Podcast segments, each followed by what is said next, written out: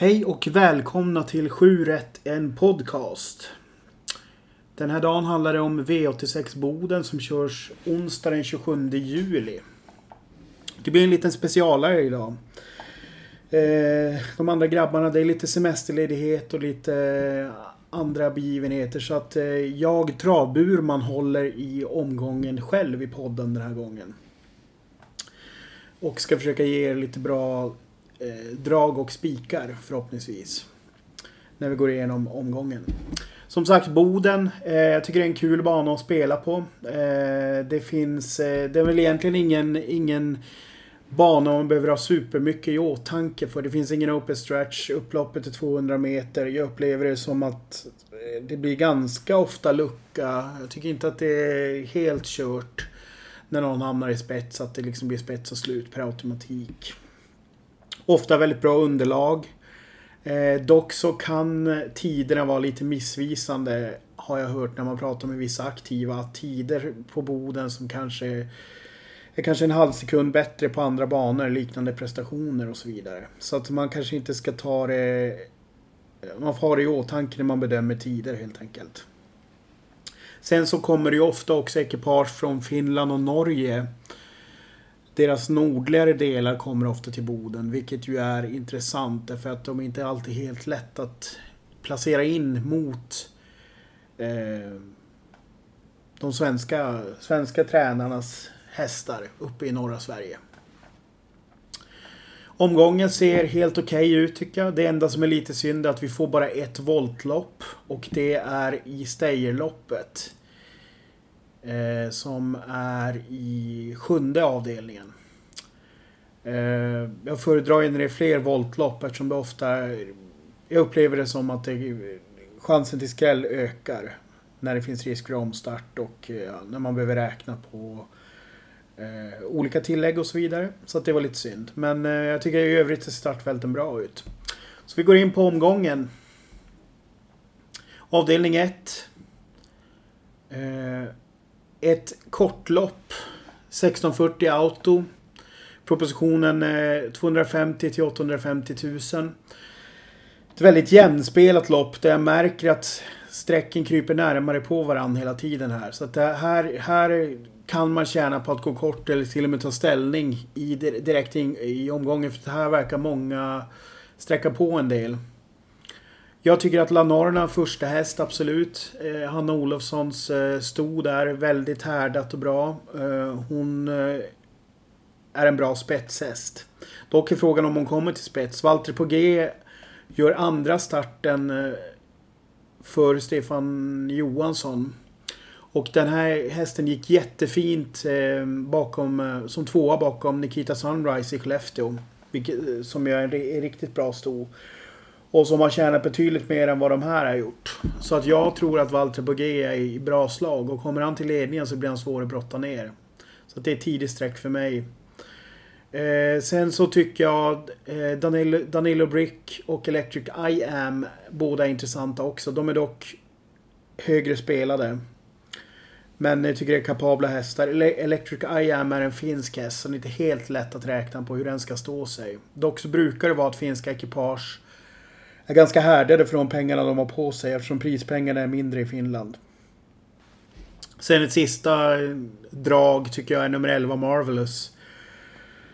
Eh, har gått väldigt bra från dåliga lägen i tuffa gäng. Nu är det dåligt läge igen här men från tränarhåll så talas om att köra offensivt från start här. Så att skulle den komma igenom bra och ligga andra utvändigt eller liknande.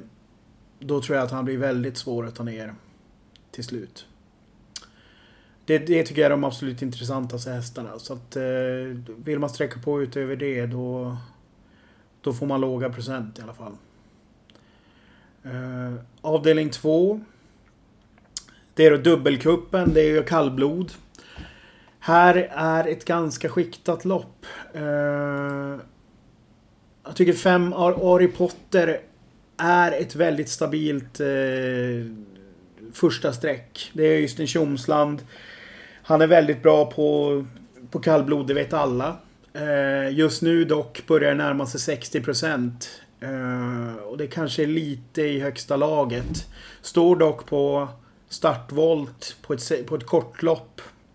Vilket inte alltid är helt lätt att hinna ikapp på. Eh, propositionen är utskriven som att det är 75 000 till 361 000 och så är det tillägg på 20 20 meters tillägg på 206 000. Jag tycker att de tre betrodda är ett väldigt bra eh, lås. Liksom Stjärnstorm och Sargo på 20 meters tillägg är väldigt kapabla hästar som kan springa snabba tider. Skulle kunna hinna ikapp. Sen långskotten skulle kunna vara nummer 10 Järvsö Nils Ingemar som är något så ovanligt som ett finskt, finskt eh, kallblod med ett sånt härligt svenskt namn. Eh, senast gick den ett väldigt fint lopp i Finland. Eh, där den blev slagen av, eh, av, av hästar som gjorde ännu finare prestationer. Den gick väldigt fint i alla fall. Den skulle kunna vara ett långskott.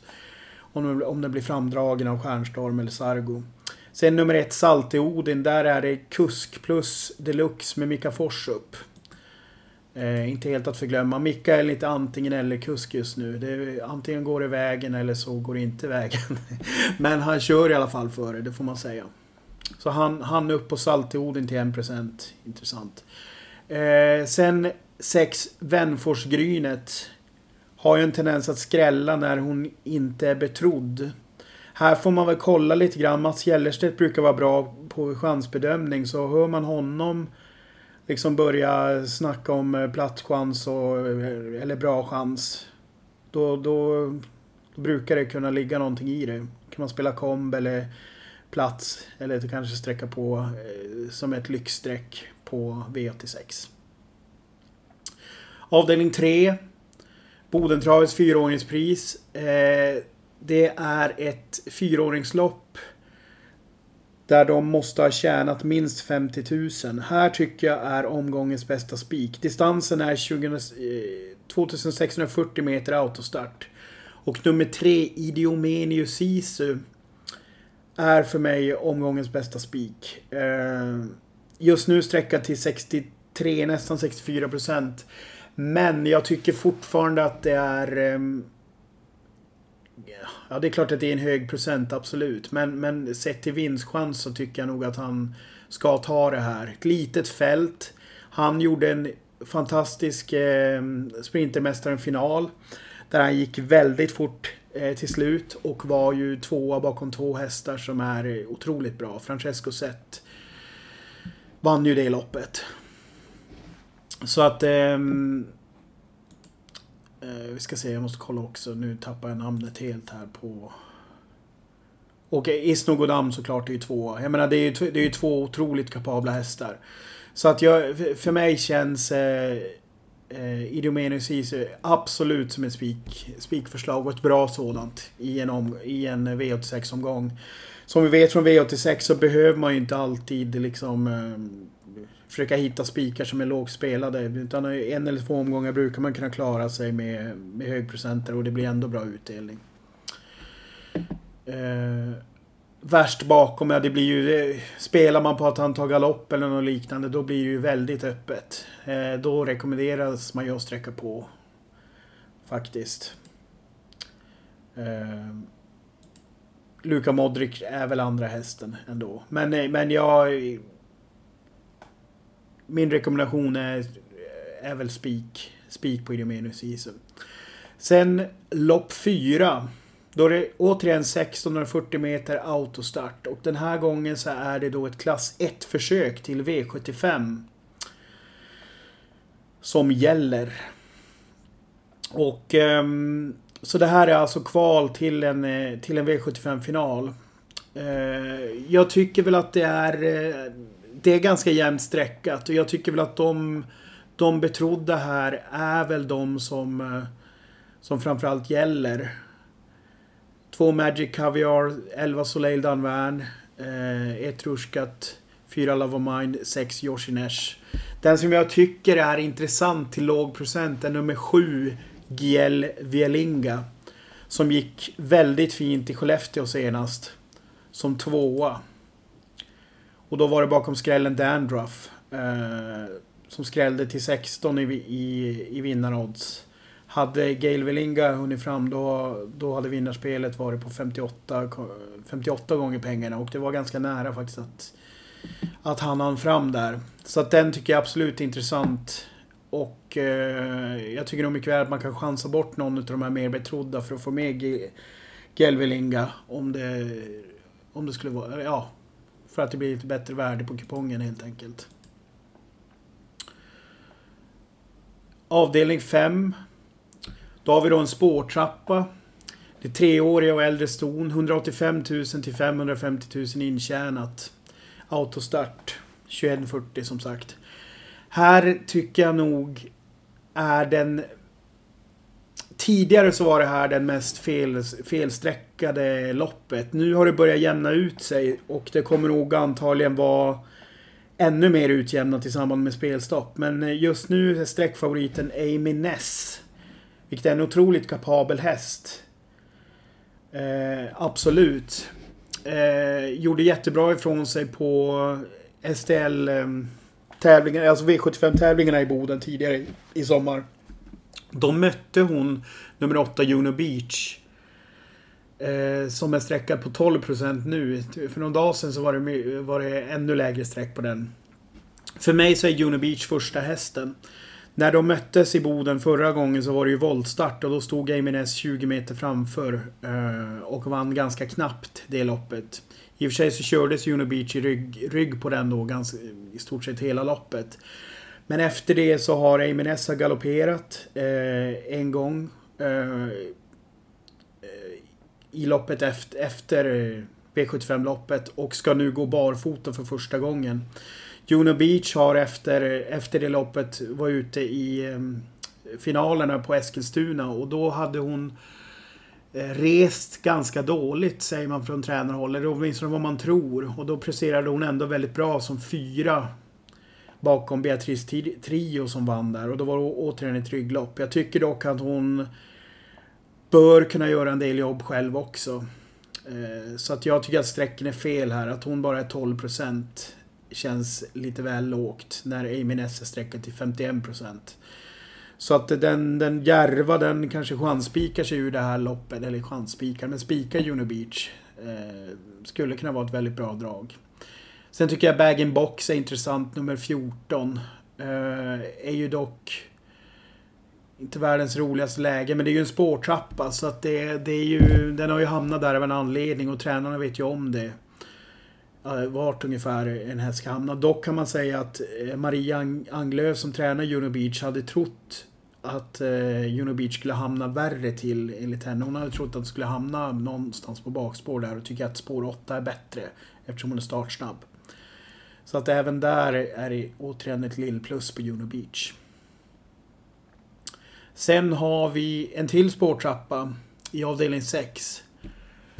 2140 meter autostart. Eh, här har hästarna tjänat 95 till 285 000. Det här tycker jag är omgångens öppnaste lopp. Eh, de mest spelade här tycker jag är ganska skakiga favoriter. Eh, jag tycker några av de intressantaste hästarna är sträckad på lite mindre. Men även här så börjar det jämna ut sig. Det har varit väldigt stor skillnad på sträcken tidigare. En tidig häst för mig är nummer 13, eh, Mahatma G, en finsk häst. Som har gjort två väldigt fina prestationer på slutet. Eh, sist gick den utvändigt och vann i Boden. Och trean i det loppet också med här. Nummer 11, Easy Silence. Som också gjorde ett fint lopp. Som sagt, det här är ju en spårtrappa så alltså att spår 13 och 11 det är ju någonting som de får för att de har eh, tjänat mycket pengar. Och jag tycker personligen att Ki, Kihi, Kihiboko och två Peach som är de två som har dragit mest streck hittills. De eh, har ju tjänat betydligt mycket mindre pengar eh, intjänat.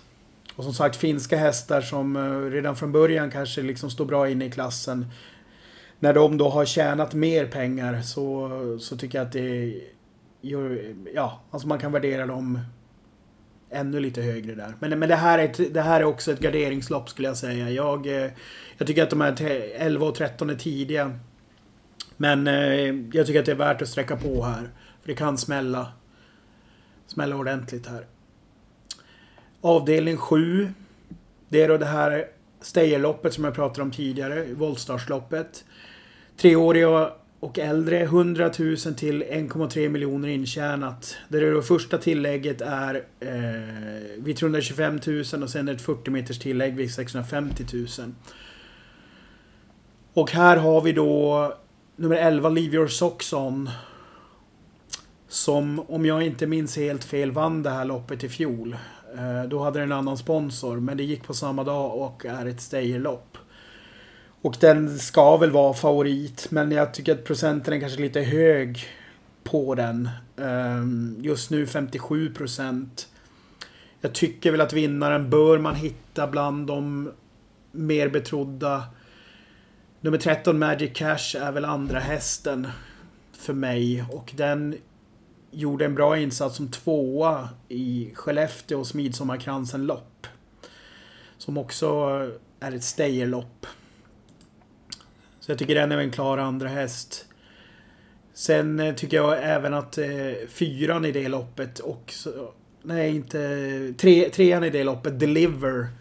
Också intressant naturligtvis. Och den är ju spelad till lite mindre. Den är spelad till 5% just nu. Sen är det ju då den här hästen Bi, Bi Sakamano som ofta gör väldigt bra ifrån sig också. Eh, har dock inte gått jättemycket på distansen om jag inte har kollat. Vi ska se här. Eh, det ser ut, åtminstone i raden, ser ut som att den... Jo, den har gått en gång. Den har vunnit. Den vann i Tornio på 3100 meter i augusti i fjol. Så den har vunnit den enda gången den har ställt upp. Då bör den väl klara distansen här också. Jag tycker väl att de fyra, då är man ganska... Ganska säker kan jag väl tycka. Slutligen då, avdelning 8. Scandal Plays minne. Eh, treårig och äldre, minst 500 000 intjänat. Så det är inget högre tak här och det är 100 000 till vinnaren. Här tycker jag att det är tre hästar som sticker ut väldigt mycket på sträcken. Eh, och, och, att de, de också är väldigt bra. Det är nummer ett Gasoline Meras. nummer två Henry Flyer Sisu och nummer fem Hector Sisu. Båda de tränas utav Petri Salmela. Och det är väl lite grann hängsel och livrem på de här tre. Så att egentligen så ska man väl försöka hitta... Hade väl varit bra att kanske kunna hitta och ta ställning för någon utav dem. Jag själv är väl egentligen mest intresserad av Henry Flyer så Det skulle vara skönt att få se honom få ett lopp där han eh, liksom får köra, köra till slut till slut. För att det, nu, nu har det blivit väldigt mycket att han har hamnat fel på det i de två starterna för Salmela. Och det har ju... Det här är ju en häst som kommer från eh, Timo Nurmos ganska nyligt. Det skulle vara intressant att se vad han kan göra när han möter motstånd eh, i Norrbotten. Riktiga långskottet är väl kanske nummer 6, Echelon, som är ju en häst som vi vet kan otroligt bra. Har dock inte kommit till sin, eh, sin rätt än riktigt eh, sen flytten upp till Hanna Olofsson. Eh, och är ju en häst som blir dubbelt så bra om det finns open stretch. Och det blir väl svårt, eh, svårt att överhuvudtaget komma till ryggledaren från spår 6. Men han är ju otroligt startsnabb så han kanske kan lösa det. Och från rygg, ryggledaren skulle han kunna bli liv, livsfarlig absolut. Eftersom det är hans absoluta favoritposition. Eh, just nu min i loppet. Så att det skulle man ha ett streck över, ett riktigt, riktigt lyxstreck. Då kanske jag skulle ta Echelon. För att summera omgången då som sagt. Eh, bästa spiken då det är ju då i avdelning 3 Idomenius Isu. Sen det som jag brukar kalla en Losec-spik. När jag själv gör mina egna analyser på min hemsida på travburman.se. Då sätter jag nummer 8 Juno Beach i avdelning 5. Just nu sträckan till 12%. Som en spik i loppet där Amy Ness är sträckad till 51%. När det gäller rensardrag så finns det otroligt många. Men eh, jag får lite... Jag fick lite feeling nu när jag pratade här om eh, Echelon. Så att eh, varför inte? Vi tar Echelon i sista avdelningen till 0,41% lyckas han krångla sig till ryggledaren och luckan kommer. Får, då får vi se om Echelon kan svänga till höger också och inte bara till vänster på upploppet. Eh, som vanligt så kolla, kolla på minandel.se efter min, mina andelar och även Marco, Tobbe och Jocke som annars också är med i podden. Vi har alla andelar igång till V86an. Och där finns ju även andelar för eh, de kommande V75-omgångarna. Eh, och om man går in direkt på ATG så är det Torsviks spel och tobak som gäller. Det är det ATG-ombudet som gäller. Så lycka till med spelet. Ha det bra.